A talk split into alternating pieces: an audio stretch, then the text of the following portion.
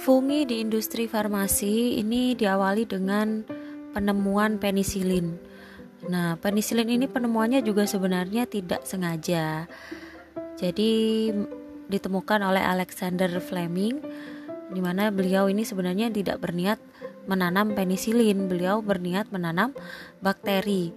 Nah, sebenarnya jamur penisilin ini dia itu biasanya dapat ditemukan pada uh, uh, buah yaitu buah jeruk yang mengalami pembusukan.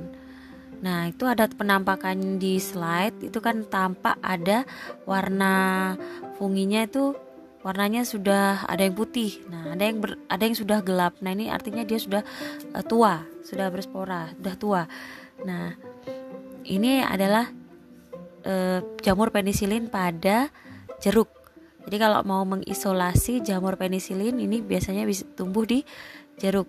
Jadi dulu ini jamur penisilin ini dianggap sebagai obat ajaib karena dapat menaklukkan berbagai infeksi bakteri mulai dari sifilis hingga difteri.